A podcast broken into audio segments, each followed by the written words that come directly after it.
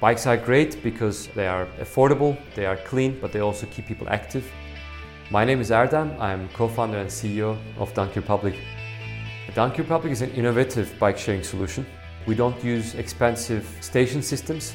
All the smart technologies in the bike and in your phone in our app. So it's quite low cost to set it up and it's also very easy to change the locations or some of the settings in the system. It's a turnkey solution. We can start a city within a month. We are in 60 cities in 14 countries with 13,500 bikes and e-bikes. We really want to become the best and the biggest bike share in Europe. And now we're at a stage where everything is really picking up. We have a strong growth.